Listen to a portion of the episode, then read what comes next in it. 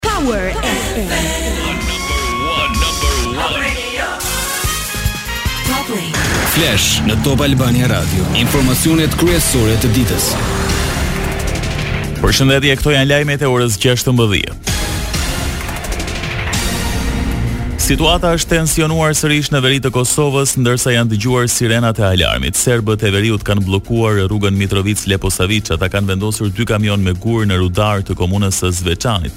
Sipas burimeve, aktualisht te këta kamionë ndodhen edhe dhjetëra qytetarë. Po ashtu është aktivizuar edhe alarmi që simbolizon grupimin e qytetarëve.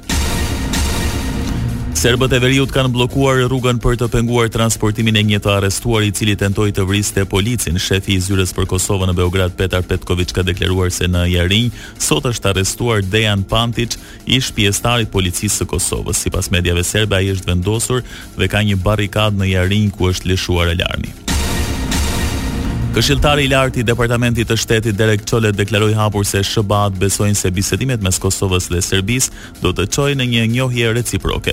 Ai shtoi se dialogu që ndërmjetësohet nga Bashkimi Evropian është element kritik në rrugën e Kosovës drejt integrimit evropian. Lajmet në internet në adresën www.topalbaniaradio.com.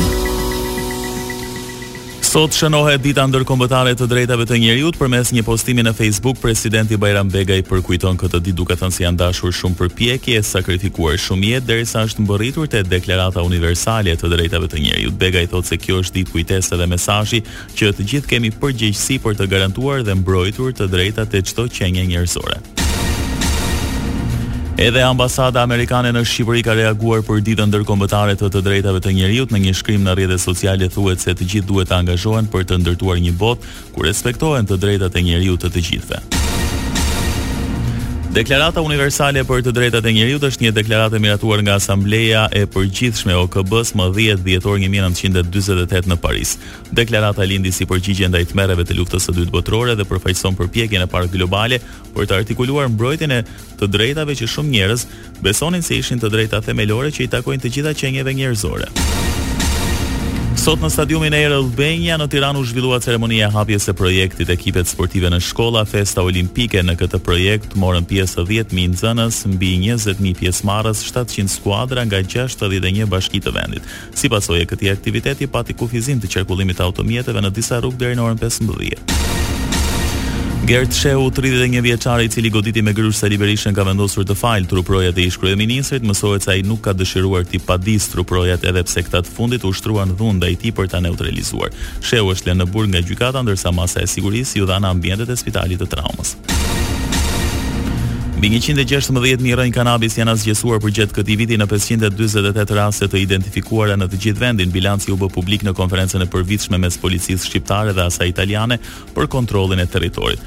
352 persona kanë qenë të implikuar në këtë veprimtari, nga të cilët 157 janë arrestuar në flagrancë apo janë ndaluar. Lajme nga bota. Shtetet e Bashkuara ngrenë alarmin për një partneritet të plotë të mbrojtjes midis Rusisë dhe Iranit, duke përshkruar si një sulm të dëmshëm për Ukrainën, fqinjët e Iranit, por edhe botën. Irani akuzohet nga fuqitë perëndimore për furnizimin me dronë të Rusisë për luftën e saj kundër Ukrainës, ndërsa Moska vazhdon të sulmojë infrastrukturën energjetike të vendit. Një figurë e lartë e opozitës ruse është dënuar me 8 vjet e gjysmë burg pasi kritikoi luftën e Kremlinit në Ukrainë. Ilya Yashin u akuzua për përhapjen e informacionit të rremë në lidhje me ushtrinë. Akuzat lidhen me një transmetim të drejtpërdrejtë në YouTube dhe i referoheshin vrasjes së ukrainasve në Bucha. Grant Wahl, një nga gazetarët më të njohur të futbollit amerikan për më shumë se 20 vjet dhe një shkrimtar humbi jetën teksa po raportonte për Kupën e Botës në Katar, 48-vjeçari Ishte në ndeshjen çerekfinale mes Argjentinës e Holandës në veri të Dohas, kur pësoi atë që mjekët në vendngjarje e quajtën arrest kardiak.